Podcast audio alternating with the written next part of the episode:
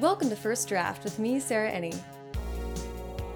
Today I'm talking to Brendan Kiely, author of The Gospel of Winter, The Last True Love Story, and co author of All American Boys. His newest novel, Tradition, is an exploration of the insidious nature of tradition at a prestigious boarding school. I sat down with Brendan at his home in New York City, and over tea, we talked about the few months that changed his life, his pursuit of a job without an office, and politically minded teens. So please sit back, relax, and enjoy the conversation.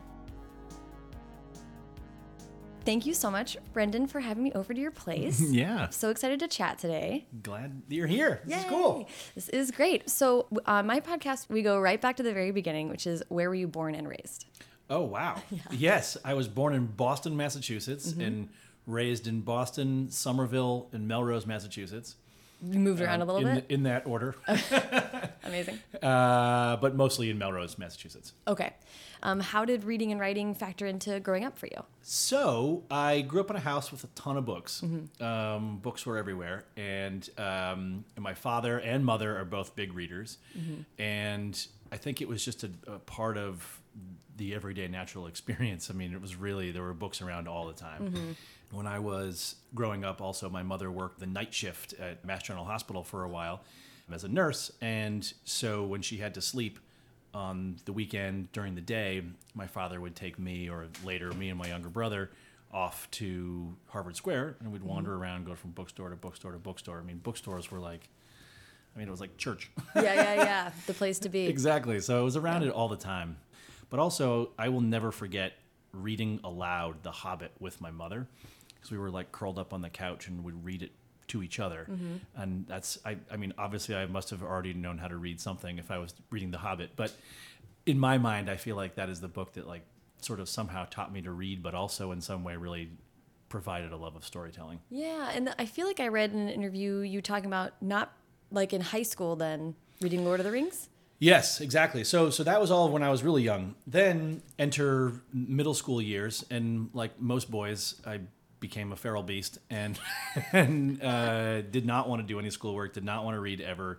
Rebelled against it. Like that's for nerds. Like why would anyone ever do that? Um, Interesting. I don't recall a single book that was assigned to me from sixth grade to eighth grade. Wow. I don't even think I read them. Luckily, when going into high school, then there was assigned reading over the summer, and I was terrified about going to this new high school because I was going to this Catholic school. Mm. So I felt like I had to do the homework. But it, the cool thing is that the Fellowship of the Ring, the first of the Lord of the Rings, was one of the required reading books over the summer.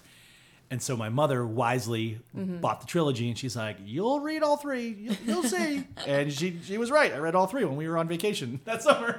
That's amazing. Oh, I love that. I have a lot of fond, uh, actually, memories with my mom and The Hobbit too. Like that was a big book in our family. Oh, cool. And then reading, Lord, my mom is a huge sci-fi fantasy nerd, so she definitely gave me all of that. So The Lord of the Rings was like a huge, is a huge deal for me. yeah. So I relate to that. But I'm so I'm so interested in that because I was even just listening to some folks talk about this yesterday. Yeah. About how there are no real women in Lord of the Rings, and it was so weird to hear people debating this yesterday because in my like adolescent boy brain, Mm-hmm. that did not occur to me. Right, right, right, right. But now in review, it's like, oh my god, of course there really aren't. just none, Yeah. and there's also no people of color. Yeah. there's a lot of deficiencies uh, when you when you look for it in the Yes. books, and that's actually Victoria Aveyard has said that the, that is why she wrote Red Queen because she loves fantasy stories, but she was like, there was no one for me in Lord of the Rings. Even as a white woman, there's still nothing for you there. Right. Then it inspires people at this point, which is good. But Yeah. yeah. So, but also it's so interesting you didn't read anything in middle school. That's when a lot of us just like read, you know, hundreds of books. Yeah, and I think that's why I'm a slow reader. Mm. Um, I like missed that stage of development. Right, right, right. That's So, funny. I'm a very slow reader and a very slow writer, but that's just that's okay. That's Totally. that's me. Yeah, yeah, yeah. um, I want to tie that into how you became a teacher. It seems Sure. like high school was maybe you changed your way of thinking about things. Yeah, exactly. Well, and not even at first. I mean, still a lot of pushback. Still wasn't as great a student Mm-hmm. in my first couple of years. What I really loved was rap music, and in fact, wrote terrible raps. That's amazing. Is that even a word? Raps. You'll see, that's why I can't do that. But Oh my gosh. Um, but what I realized, and what my father realized too, is he said, you know, the stuff you're listening to is so cool. It's just like this poet that I read when I was your age named Allen Ginsberg.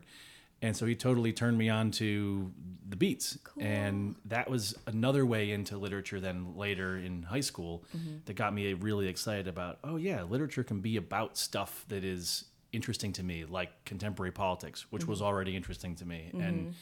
and social issues and this kind of stuff. And so the reason why I'm mentioning all that is because I think that's connected to how I then moved out of high school and I was involved in the arts. And mm-hmm. when I moved to New York City after college, I worked in book publishing actually for a few years, uh, five years. But I was never meant to be someone who worked in an office. In fact, oddly, as I was getting excited about literature in my own kind of way back in mm-hmm. high school, when I started working at a school and eventually became a high school teacher, mm-hmm. That was the right place for me because I could share the same kind of sense of yes, just like you, tenth grade, you know, student who doesn't like to read these books. I was you, Yeah. and now I'm here, and here's how we can try to bridge that distance. And I loved it. I loved, loved, lo- and I especially loved working with the kids who weren't the brightest, who weren't the the ones who were like the the star students. It was mm-hmm. way more interesting to work with the students who were either struggling or pretended like they didn't like to read, but in fact maybe they just hadn't been given the right book yet. Yeah, or I think a lot of kids now uh, don't know that when they're reading comic books or graphic novels, it's like that's reading. Absolutely. All of it counts, you Yep. know. yeah, exactly. Which is the cool thing about YA literature. It's like, oh, Twilight counts. Read Right, anything, right. Anything that you care about, which is great. I feel like adults need that reminder all the time. I have a couple friends, and I'm like, I'm not gonna name names, but I have a couple grown up friends who don't work in YA and who are. I'm like, look at their shelves, and I'm like, you know, you don't have to do this. right, right, like, what is this? A business management book? Oh, you only have so much spare time. Right. But anyway, um, after I'm like, never shame someone for reading, but. mm, I know, but but some. but some stuff just seems like, oh, there's better for you. That's funny that you mentioned that because one really important lesson that I feel like I learned when getting out of college. So I, in college, I had to do like an undergraduate thesis as part of my like funky degree. I had a different kind of degree, a B Phil, a Bachelor Philosophy of the Arts. Ooh, cool. which was like you just make up your degree basically. But the, the I did a thesis that in, it was like on the nature of authorship and hmm. like is there an author or not? And I was doing like you know Roland Barthes and Derrida and Foucault, and I was all this like heady theory. And my first job in publishing was working for a literary agent who did romance novels, business books, and religious memoirs. And all of my like nonsense about Derrida and literary criticism and whatnot was totally useless when it came to like learning about the business and the books that people actually read and buy, mm-hmm. which was an awesome lesson. Mm-hmm. And so I read so my first year in New York, I read just a ton of romance novels. And it was such a cool thing to like get over that stupid stigma because the funny thing is in hindsight so many of those books that were on the shelf when I was growing up that my mother read were historical romances. Uh-huh. So it's Totally. it's totally cool. It was a it's a kind of fun full circle. That's so interesting. What was the heart of your thesis about the nature of the author? It was about uh, what was the title of it? It was it was something absolutely ridiculous, like chasing snowflakes on the tongue, the nature of creativity in writing, or something ridiculous like that. But the idea was trying to make connections between form and content in how mythology is used in poetry primarily, but literature in general, and the sort of deep structural criticism of like why would these themes from ancient culture still be so popular and apply to our desire for this kind of narrative? And these images why you know why birds in these ways you know in these hmm. poems from Sappho and then also these poems from you know Sharon Olds or whatever. And mm-hmm. So it was it was cool it was That is cool. it was in fact maybe I should dig that out and remember how to read I, I like that. That's a, well. Uh, well, I'm interested in that, that you are like applying your education to like concepts of authorship. Were you also doing crea- your own creative writing at the same time? Yes, and and I incorporated that into the thesis as well. And so yeah, so like the the idea was so it's all that stuff and also is so is there an author or not? So you know, if you were a medieval scribe, you didn't think you were the author. You thought like you were a conduit and God was speaking through you or whatever. But mm-hmm. m- maybe a deep structuralist might think differently about how language filters through us and mm-hmm. you know that whole thing. So, but as I was so I was also incorporating my own poetry into the thesis and deconstructing. So these and in fact actually I incorporated some of my raps from the early years, but why certain things were appealing to me and where where was I reaching for for my language, like trying to mm-hmm. deconstruct my own imagery. And the imagery wasn't so exciting, but it was kind of fun to try to tackle it in that way. That's really cool. So Yeah. you wrote a very long essay about your own work. right? yes, navel gazing. In other words. But that seems appropriate because you're someone who's so so thoughtful about your work in a thematic way. Like to me that's what's striking about your stories and you are very upfront about this about as a teacher as well that you're mm-hmm. coming from so much of the audience perspective when you're it seems like. So let's lean into that about how your creative writing continued or developed as you became a teacher or left publishing and moved into another field. No, that's oh, I, I appreciate that. Thanks. So I left publishing because I was sick of working in an office, but also sick of marketing other people's books, and I wanted to write my own. Mm-hmm. That's fair. and I was part of the marketing team for The Lovely Bones. Whoa, And you did a good job. well, well, that book sold itself. That book's amazing. That book was incredible. and it was an interesting experience because actually I worked on that book and I also worked on a book called Betrayal that's basically a collection of the articles that the Boston Globe Spotlight team wrote while you know mm-hmm. uncovering the scandal of abuse in the Catholic Church. Yeah. And so while while I was marketing those two books, I was thinking a lot about what's the kind of story that I really want to write. Mm-hmm. And so it took some time. It took a long time. but I began to realize that there is something in between these two stories that's the story that I really want to tell, which is the story of a boy who's been abused by a, a priest. Mm-hmm.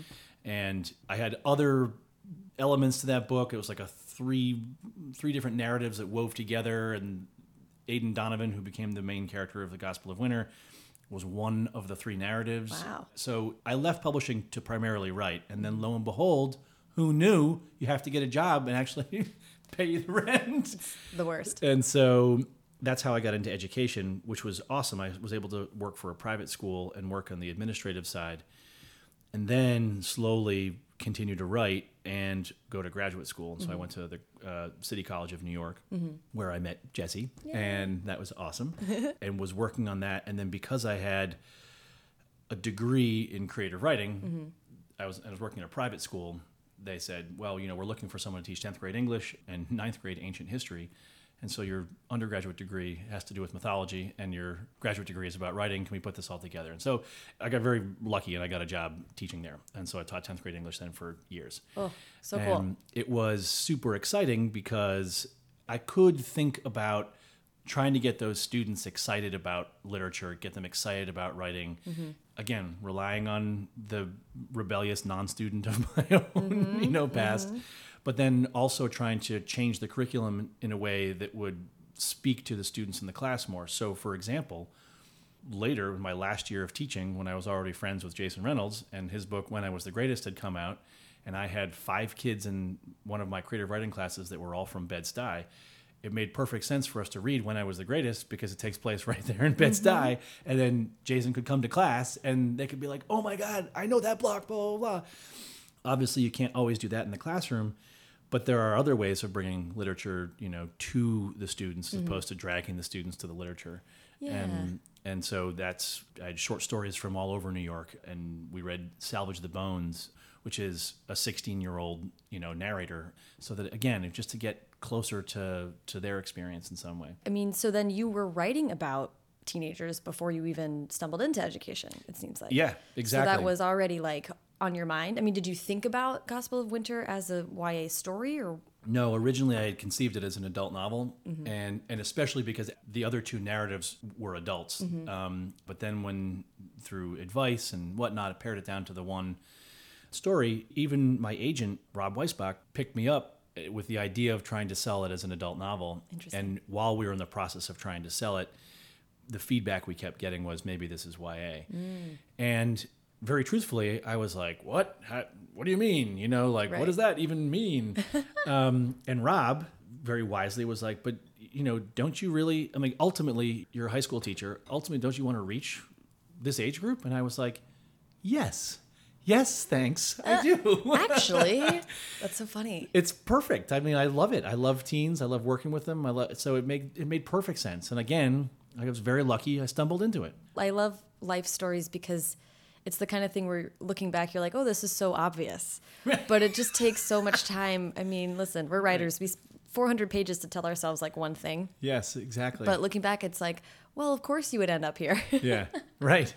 Um, but that's That- really cool. I, it's so true. I feel that way about you write 400 pages to be like, oh, and this is what I'm trying to say. Yeah, like, oh, you get to the third draft and you're like, oh, I think I feel something about this. And Right. that's why, maybe why, I, what was driving this the whole time. Right. Uh, it's so funny.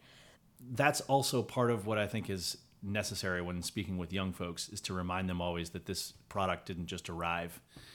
You know, we go through all these drafts and drafts and Mm-hmm. Yeah. drafts and drafts and drafts. And so one of the things that I find that I love about being a YA author is having the opportunity to do school visits. Mm-hmm. And it, so it's, it's again, it's kind of all connected. I miss teaching, but I Mm-hmm. get to do school visits, which isn't the same thing at all, but it's cool. Yeah. and it is cool because it I really love talking to them and telling them like how many drafts various books went through that all American Boys went through five drafts with an editor and then five drafts with a copy editor so that's 10 drafts after we had already done a couple drafts on our own before it even got to an editor and that's it's important to let them know Yeah. because it didn't just arrive it's not it's it's about the work and demystifying.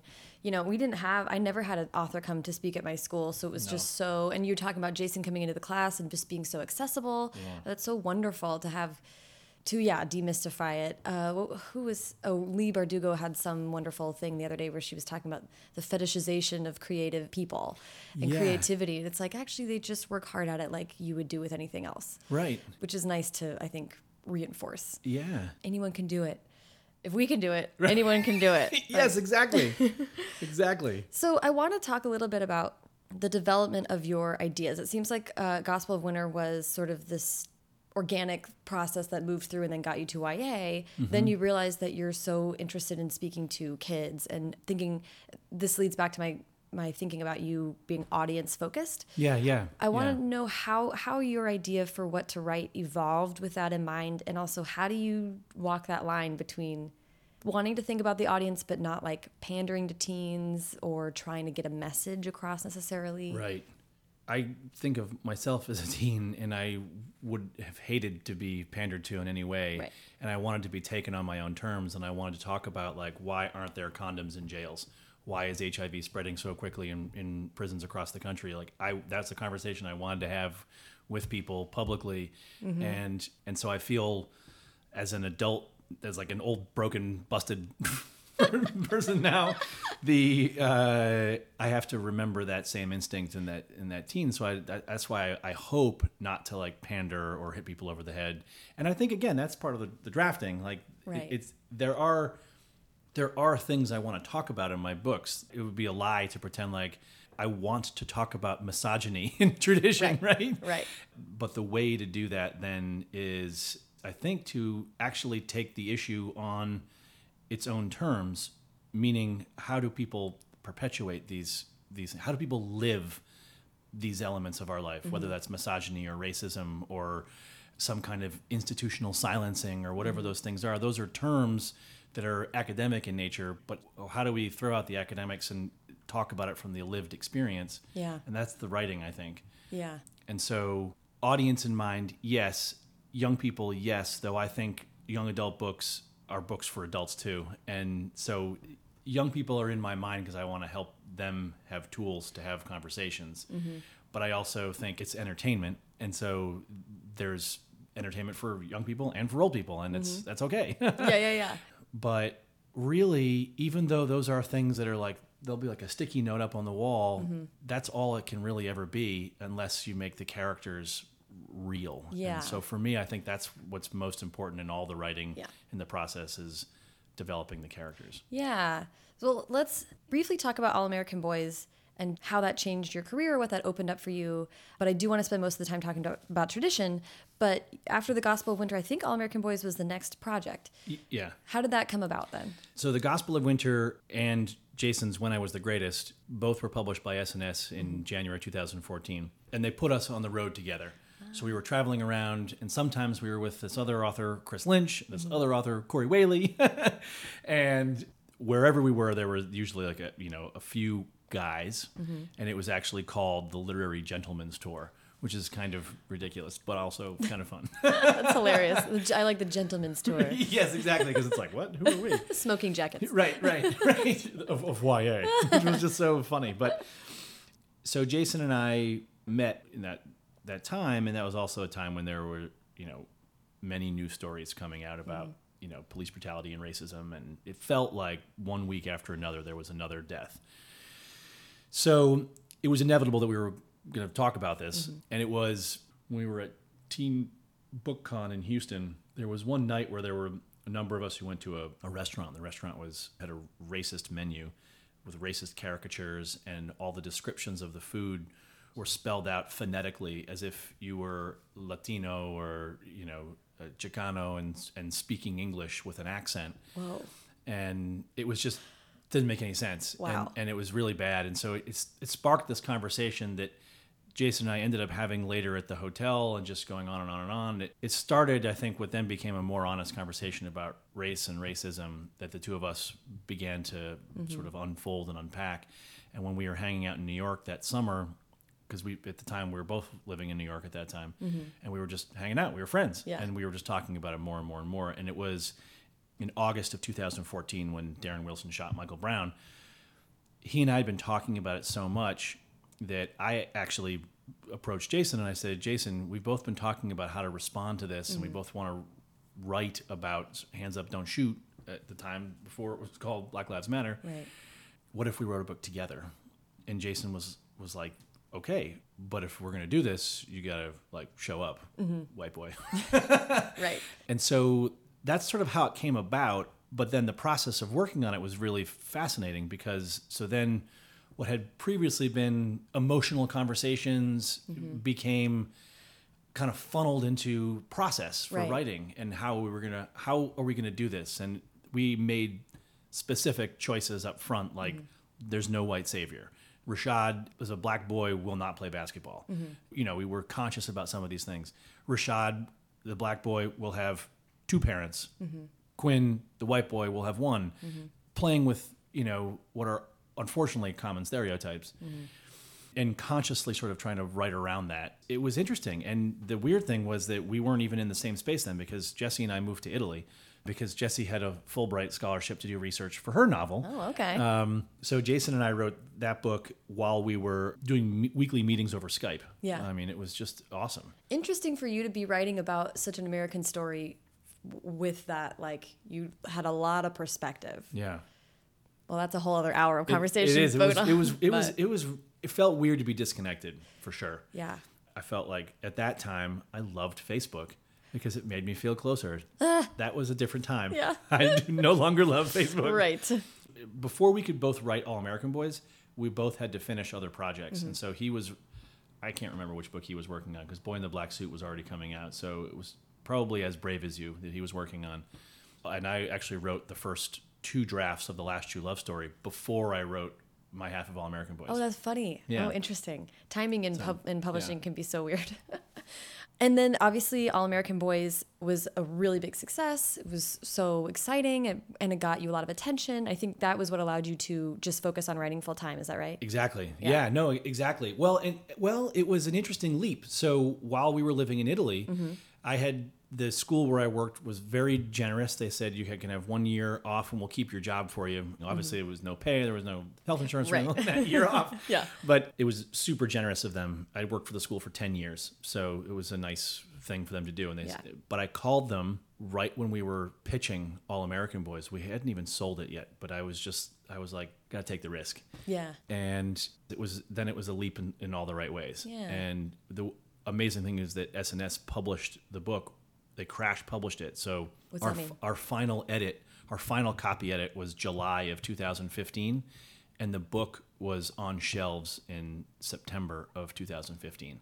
Whoa. So it was unbelievable. They bought the book in April of 2015. We wrote the book from January to March of 2015, and then they It was the on book. shelves in September. It was on shelves in September. I mean, it was it was wild. I'm like, what are you telling me? That's so Yeah. crazy. It was- Wow. and that's nothing like anything else that you know. Very unusual. Yeah. But And- then that makes sense that the, the, you did that many drafts So it was just you just were in it. We were, yeah, and and it felt like we didn't even pick our heads up. I mean, Yeah. we were. It was like we had just finished edits, and all of a sudden there were, we were at a book launch, and then all of a sudden we're on the road, and then Right. all of a sudden, you know, there were a lot of conversations about that. I remember having a conversation with people at SNS saying we really need to be in St. Louis. We really need to be in Baltimore. Mm-hmm. We really like these are the cities where this Yeah. was the epicenter of the conversation. Yeah. and they were awesome because they got us there.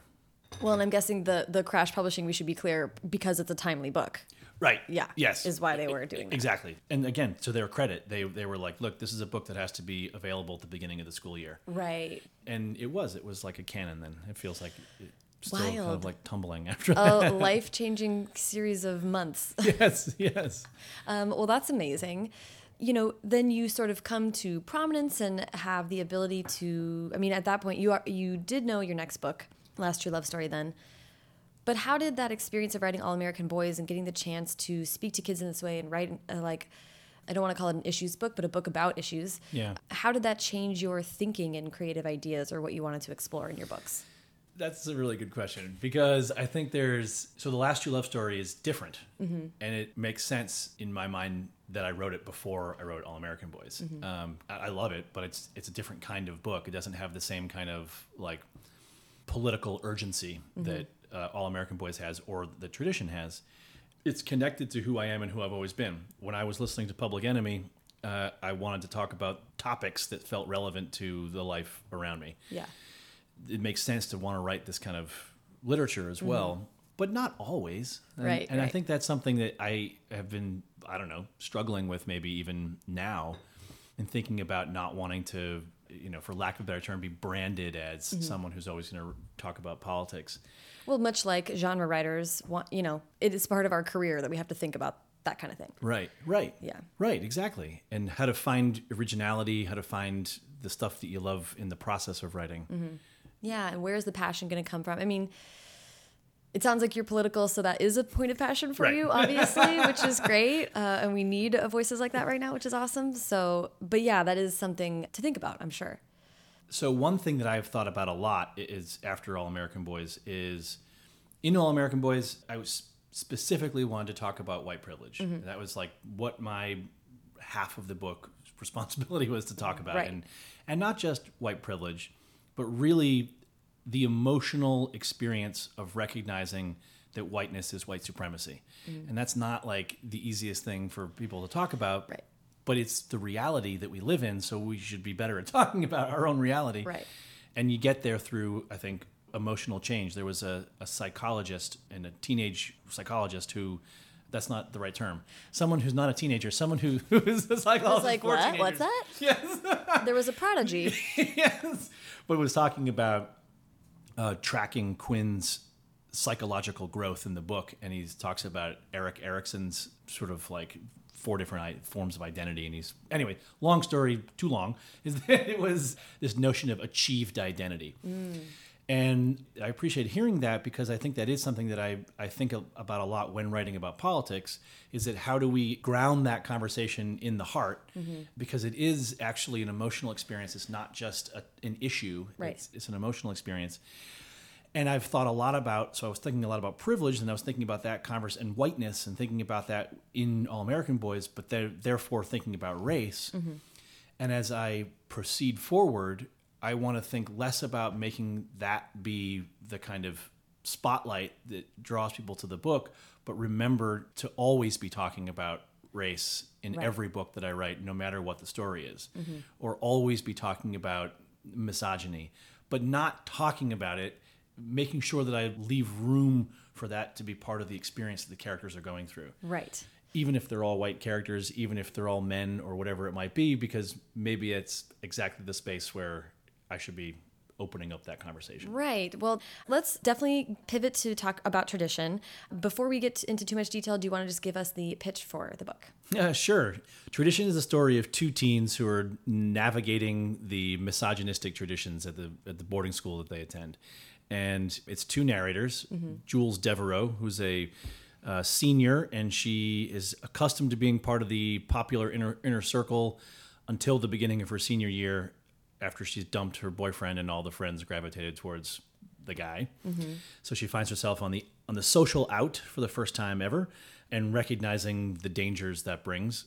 And the other narrator is James Baxter, who's a postgraduate on a hockey scholarship. So he's doing a fifth year of high school, as people often do um, in boarding schools, Really? to boost their grades or to develop their bodies further for athletics and college. And Okay, I did not know that. yeah, it's it's wild. It's it's really wild. Wow. but um, and so he's there on a, on a hockey scholarship, but he's grappling with a secret from the past in which he's really recognizing that he's been cultured to be a violent machine, mm-hmm. and he is also on the social outs because he's just new to the school. But the people who welcome him are the uh, the uh, boy athletes. And as he's getting sucked into their world, he's beginning to think this feels really wrong. Mm. The attitudes, the the behaviors of the boys, the way they talk about girls, the way they treat girls, the way they mm-hmm. Think about girls in the same way that they think about their statistics for their sports, you know, mm-hmm. accruing stats and whatnot. So that's a long pitch for the book, but it is, I think, important to give the context of of those two characters and why I think a book that has dual narration can serve a purpose to create a kind of thematic dialogue. Yeah. And one of my questions was going to be about the dual narratives that when you're writing both of them, Right, right, yeah, yeah, no, which is interesting.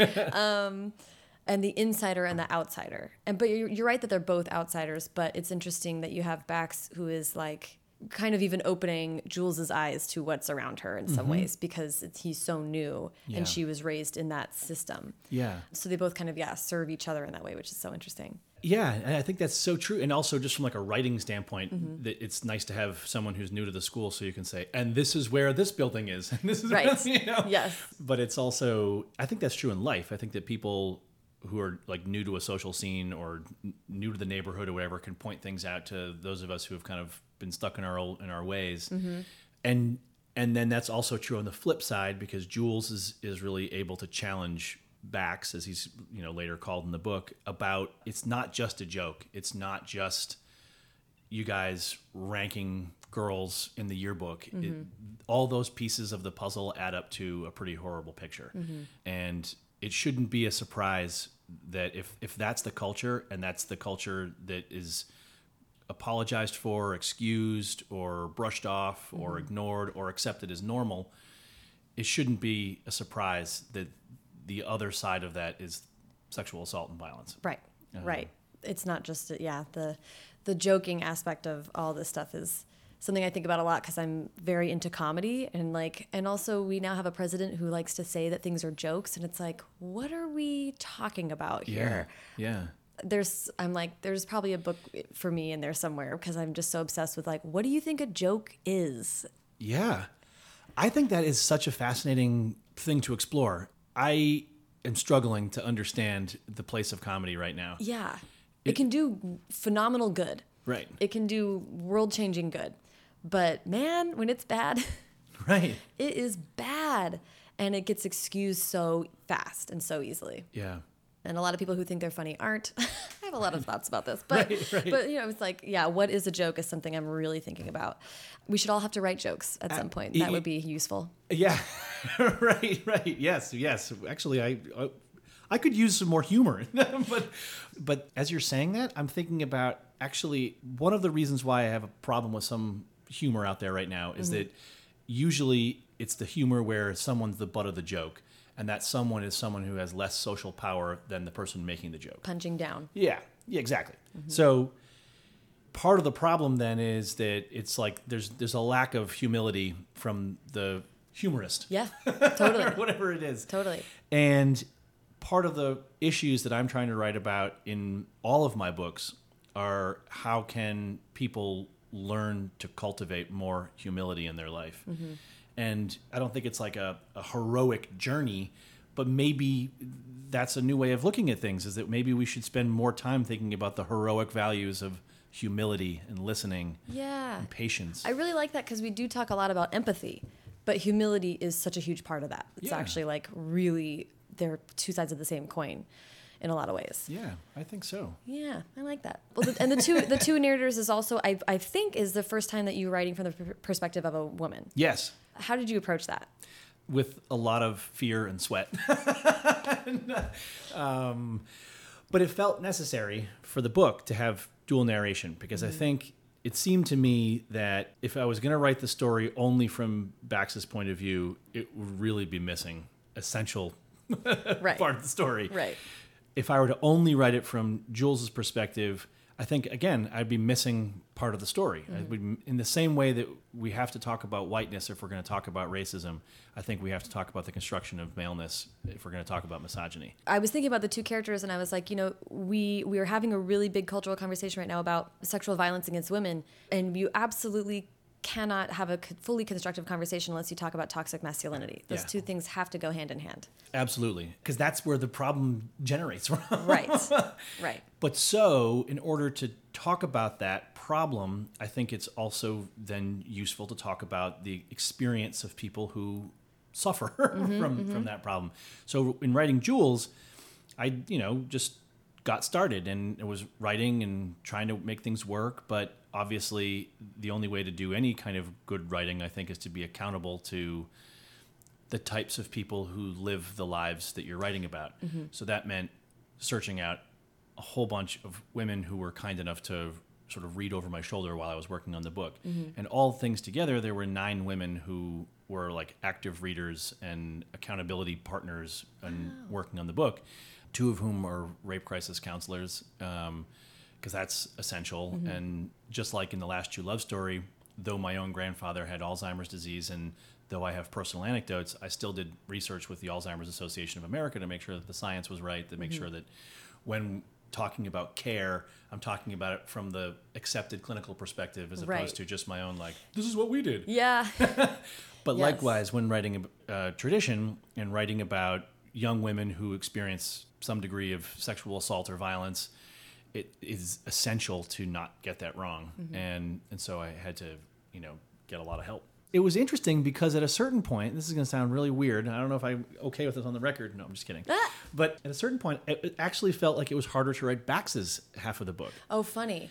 Interesting. And I think part of it was because I was just assuming like, oh, I got that side. Right. And no, I, I didn't. I, I needed to do a better job on that side too. And so luckily there are people who read the book then were like, you know what? This in these scenes he's way too nice. Or in these scenes like Right. he doesn't seem human. And it's like, oh my God, okay. Well, yeah, I was going to say that's like the dance of trying to get it right is that you also want complex, flawed, real characters. Right.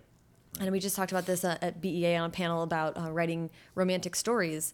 I was like, I want. I was talking to a row of women who wrote about heterosexual love stories, and I was like, how do you write men that are both showing good relationship qualities, but are, who are also, you know, have their own struggles and their own issues, and don't do everything right all the time, because that's going to be realistic to any reader. Yeah. And it's not fair to try to put some kind of perfect thing out in the world to talk to a teen about their real life. Yeah. So.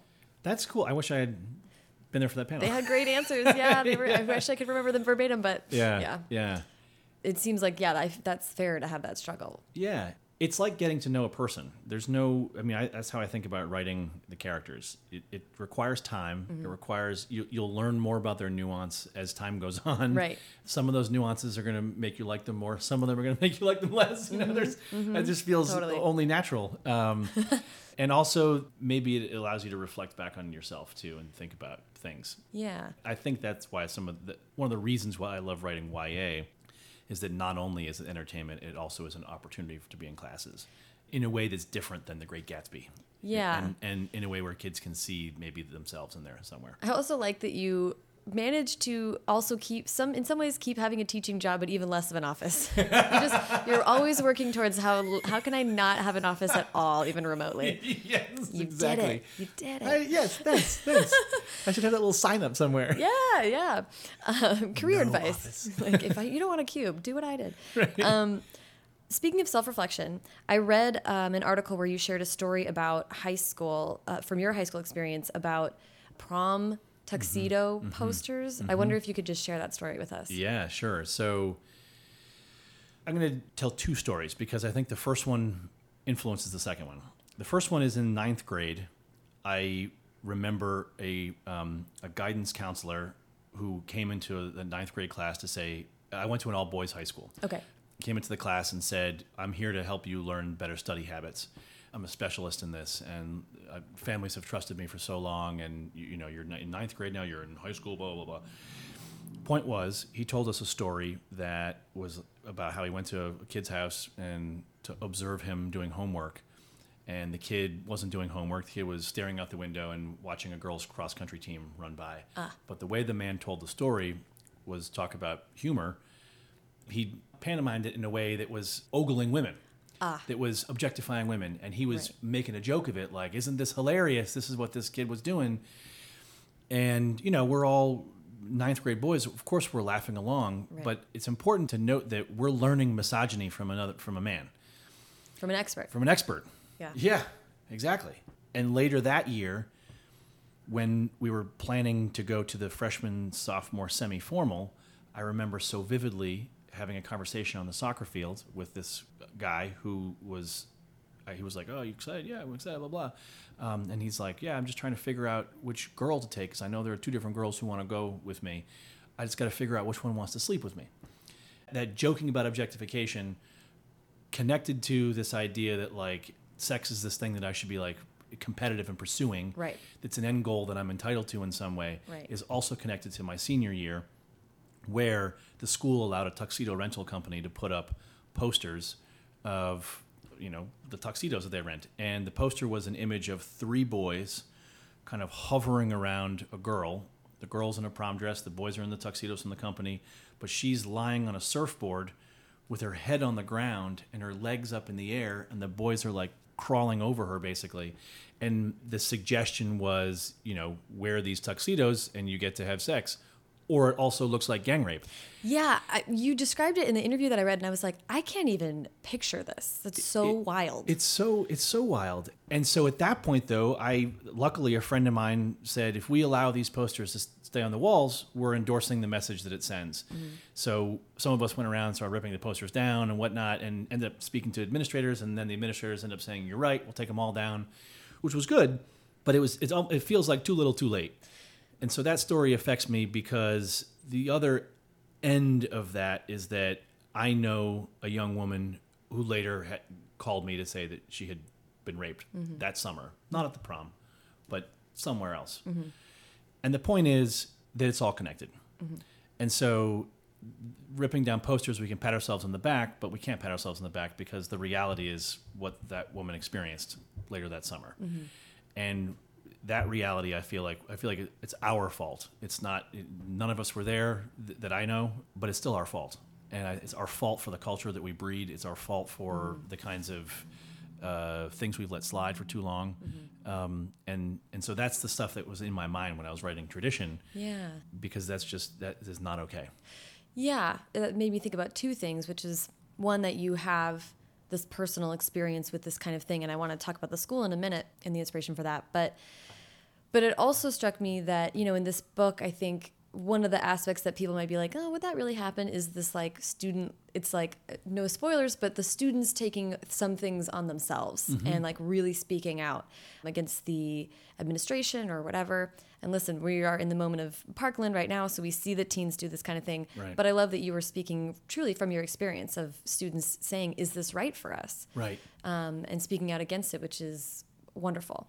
Yeah, and I'm always shocked when people say, "Well, you know, students wouldn't act with that much initiative or or, or with that much like you know foresight." And it's like, what what planet are you living on? Like every rebellion is like led by students. Not Yeah. every rebellion, but you know what I mean. I mean, just think about the the '60s. Think about in France. Think about Arab Spring. Think about all over the world. The American Revolution was like 19 year olds. Yes, yes.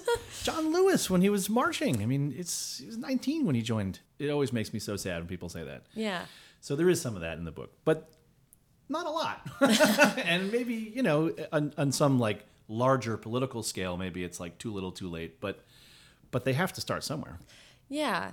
And the- the other part of it is the school and the um, what you're talking about, the structure and the fact that someone saw those posters and didn't say no, uh, this can't go up in our Right. hallways. So I, I want to hear about the inspiration for uh, Fullbrook and how. What were you drawing on from personal experience? What is a matter of now you've been in a whole lot of schools, Right. So where did all that come from? So, Fullbrook Academy is a boarding school somewhere in New England, and I did boots on the ground research in a number of boarding schools in New England while beginning to write the book, so that I cool. could have like a. I need it. Like I need to. Yeah.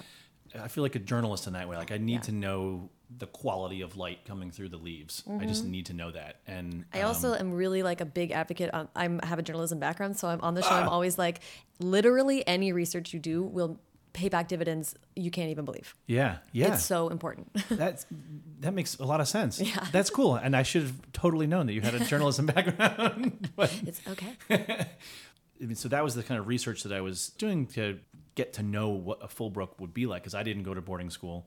I've certainly been to a few like doing school visits as well, but I really wanted to really dig in, and so I was able to interview students. I was able to sit in on classes. I was I like hung out in the dorms with students and talked to them about, hey, where do you go smoke pot? And they Yeah. would tell me, and That's so awesome. I mean, it was amazing. It was really, really incredible opportunity, but also talking to students about, well, what's the school culture like? And talking to young women about, well, what's it like being a girl here? Um, and the first line, Jules' first line in the book that is something to the effect of, this is a, a boys' school, but they accept girls here too, is a turn on a line that I heard from a girl at one of these schools. it's such a good um, line. It's a good line. well, yeah, and, and but she was saying something to the effect of I sometimes feel like I go to a boys' school. Wow.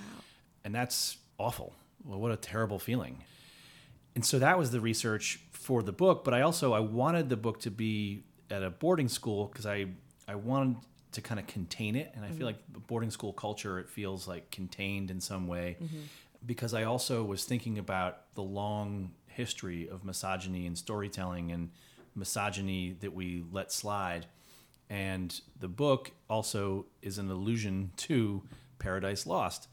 And Fullbrook, just in like my mind, was like, that sounds like a garden, a full brook. but the school then becomes this kind of, I I think, a kind of false paradise, just like the paradise that is supposedly lost. Well, there's so much misogyny even in that story mm-hmm. when we think about the Garden of Eden and we think about the the nature of using a what you might consider a fairly silly story as an excuse to create a social hierarchy and structure that is fully misogynistic Yeah, and oppressive to women. Pretty bleak origin story, yeah. to be honest. yeah. Like what that's nonsense. Yeah. Like that's part of the problem too. Mm-hmm, mm-hmm. So that's that's where all that came together to for Yeah. for Fullbrook. But how did you? And I do think also like boarding schools. I mean, my school had tradition a little bit, but like boarding schools are Oh, like, yeah. you know, decades, generations. But it did strike me that going to a Catholic school, I mean, also has some just the tradition, the sort of monitoring students' behavior, and like, I don't know. Yeah. I don't have a good question at the end of this, but it just, I was like, a whole, all those things in my head, thinking about getting through them in this book. It was so interesting to me. Well, the tradition that's sort of at the center of the book, the winter ball, Mm-hmm. and the fact that seniors take first years uh, to the winter ball, that's a true tradition at boarding schools still today. That still happens. That happened at one of the schools where I did my research. It's a tradition that happens. And it is so bizarre that people still talk about it in this way where it's, oh, it could be so cute though. Like the first years don't know anyone, so they'll feel welcomed by the seniors or whatever. But it's a disaster. And you know, Chessy Prout's uh, memoir that came out earlier this year as well, speaking about her experience at St. Paul's. And this is very similar kind of experience and a very similar kind of tradition Yeah. and a very similar kind of setting, in fact. And though this is not St. Paul's and this is not Chessy's story, Right. that just goes to show how rampant it really is and how widespread it is. I mean, even I remember being a freshman in high school and seeing some of my friends date seniors. And then when I was a senior, I was like, what is that? Like 14 year olds and 18 year olds just shouldn't even be in the same school. Yeah. That's, I walked away feeling like that, the, the eight, it's too much. The difference is too much. Yeah. Um, those are really pivotal years. And being a senior, I was like, "Uh, the little babies, what are you doing? I know, and that's and that's like horrific to like they're like babies. Yeah. Ugh. I know We- we're not solving anything here, but but but acknowledging like that's a really intense thing. Yeah. Um, let's talk about misogyny in sports and that as a part of the culture in Fullbrook and a part of what Bax is brought into and then rebelling against. I'd love to just hear about your background of being in sports and and how you drew on that for this book. Sure. So First of all, I want to say that I don't think sports are bad. Right. um, I think there's a lot of value in like team building, and I think there's a lot of value in athletics. Mm-hmm. Um, but I think we can do team building in a different way. Mm-hmm. And I think that there is there's so much of my life where I remember being charged with this sense of you've got to push yourself, you've got to be like beyond physical. Right. I remember a basketball practice where we were running and running, and our coach was just yelling uh, and getting us to run harder and harder and harder. I ran off the court, I vomited in the water fountain, ran back onto the court, got back into play. Somebody else did that. No one was checking to see if anybody was okay. There was no, and I say all that to say that then the opposite, if you can't run that hard, the demeaning term is well, then you're gonna what are you gonna play like a girl? And right. So the misogyny is so deep that the the only way to construct masculinity is to say not woman. Right. Right. And for me, and I don't, you know, I'm not I'm not like trying to throw every single man in my life under the bus. No. But it is I think it's unbelievable how widespread that attitude is. And women know this very well. Well, and someone who I love sports and I watch ESPN all the time and it's just like is so baked in yeah. in ways that are not even obvious all the time. Yeah. Um, even just like I was raised loving sports, so then there's still a lot of me looking back and being like, "Oh crap." yeah. Um, you know, I've said these things or talked about things in this way, um, which is wild. Yeah, it goes even deeper then because then it goes into so you're in the locker room and everyone's you know throwing jokes around and you're in the locker room and everyone's talking about what are you going to do this weekend and you're in the locker room and and it's this guy space and the way to perform guy right. is to talk about how you're going to conquer women. Yeah. And so and i'm you know th- that's not how that's not the exact words but that's the meaning behind all the jokes behind all the posturing and mm-hmm. the you know half of us didn't even know what we were even talking about you right. know but we had to at least make it seem like we knew we were like experts. That's the thing learning the script right? Then yeah it's you have to pick up on that in order to fit in just like survive in right. some ways. Right. It feels like especially when you're a young person. And yeah i mean like obviously now we're like locker room talk is this whole right. thing. Right. And so one of the inspirations for tradition was when the hollywood access tape came became available and we heard donald trump's disgusting everyday talk that he has yeah, apparently to him, common, t- yeah, common conversation. Common conversation, yeah. But the way that it was excused as locker room talk, the way that he, that people across the spectrum of media were talking about it, and were like, "Oh, don't you know? That's that's just the way that that's just boys being boys," or blah blah blah. But I saw a photo of a boys football team in Portland, Oregon, on Facebook when I still liked Facebook, and the boys football team in Portland, Oregon, had wild feminist T-shirts, and wild feminist is a lesbian owned and run clothing line and store in Portland. And they were all wearing t shirts from that store. And the caption below the photo said, Not in our locker room. And so for me, it, it felt like, again, here are teens mm-hmm. who are standing up and doing something public to say, this culture that has come before us is not okay. We're asking to change it. We're trying to make a change. So, therefore, in the book, there can be both the balance of showing some of the bad stuff, because mm-hmm. there's plenty of that, but also showing some of the, for lack of a better word right now, progress or hope or change. yeah. That's the better word. Yeah, yeah, yeah. You talked earlier about achieved identity, which is so interesting to me. And you had a quote in another um, interview where you said, Boys are taught to think, hey, look what I've accomplished, instead of, hey, look what other people have accomplished for you. Mm, yes. And to me, I think that ties, it seems to tie into the sports mental state that you're put in within a sports context and also privilege in such an interest it's like you know when you see how it all plays into the same thing yeah absolutely because that's i would say the same thing about whiteness and right. how you know the argument about you know pulling yourself up by your bootstraps but really there's been like for someone like me generations of cultural wealth that have enabled me to live a very entitled life and that is it's not just luck it's not just fortune mm-hmm. it's part of the system of injustice right and likewise the privilege for for like male privilege it's the same thing. It's part of a system of injustice. It's mm-hmm. not just i'm fortunate that people have given me things or that i've that I, I don't even even recognize the all the sort of the accolades around me that aren't just mine that are people who've done the work before me. Right. that's part of the injustice. Yeah, it's so it's so tied in and but I love thinking about it that way because accomplishment is I just think it's worth everyone thinking more deeply about what that means and what we decide to recognize and give laudits to. yeah It's often sports and it's like what does it mean? Like you're saying like vomit or or ride the bench. Right. Exactly. It's such a strange thing because I feel like there are other ways to build teams. I have talked to some coaches. Yeah. I've talked to some coaches while touring tradition and you know they talk about how the team the players are just devoted to them. So one coach said if I said go torch that car, they would go do it.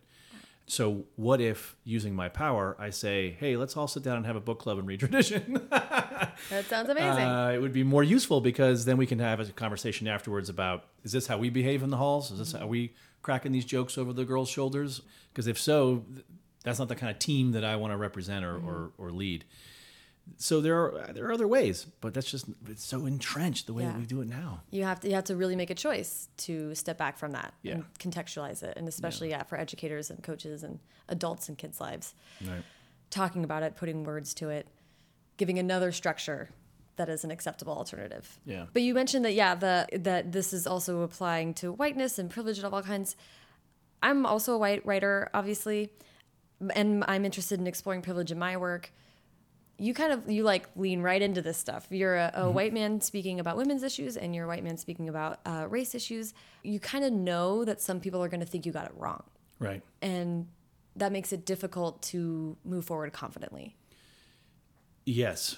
I don't know if I move forward confidently, but I don't see an alternative to trying to move forward. Mm-hmm. Because if I pull back, it seems like I'm sticking my head in the sand or I'm I'm hiding in my own privilege. Mm-hmm. And so it seems more worth trying than and failing than mm-hmm. not trying at all. And it feels like the work isn't to talk about folks who suffer from injustice. The work is unpacking how folks like me are involved in the system of injustice. Mm-hmm. So that's something I, I think I can write into. right I, go, I want to write into it because I want to be a better human being mm-hmm. in my own mm-hmm. life, and I want to write into it so that the characters can maybe consider some of these things. And it's been interesting talking with family members, older family members, about All American Boys and having conversations about race that I never had growing up, or I never had with some of even my grandmother. I mean, it's like awesome. And likewise, I hope that there'll be more conversation about misogyny and about toxic masculinity when uh, with family members and other people uh, Yeah. when, with regards to tradition. But I feel like that, I don't know. I mean, you. How, how do you feel? I mean, it's well it's it's scary but I, when I when i think about why that's scary to me i think that it's i'm really scared of being wrong yeah, and I'm really scared of, of of hurting people inadvertently. You know, I would never try to, but but I think that something I've been hearing recently from very smart people about this is that like you have to, if you want to be an ally in this way, you have to be okay with being wrong, and you have to just listen yeah, and learn and move forward and be better. Because you can't be more scared of being wrong than you are more scared of like talking about issues that matter to all of us. Yes, and that that is what silences a lot of people and keeps there from being a lot more discussion about this kind of thing is just being like i don't want to say the wrong thing so i don't say anything at all Right. and that's not a way to be a creative person in america right now right, right. Yeah, I, I agree completely. Like, what, what are we doing if we're not trying to do something? right right um, i don't know especially right now, it feels. I mean, I don't know. That's sometimes I feel a little weird about that. It's always the right time to be provocative in the right social ways. right There's never not a time. We could always do better. right but it does feel it feels urgent now Yeah. like you're saying the, the urgency of the books it feels very urgent now and like time to just kind of do your best Yeah, yeah. this has been amazing. I wrap up the interviews with advice.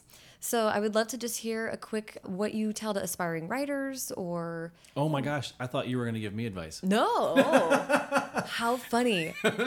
I'll start doing that. Be like, I just want to let you know.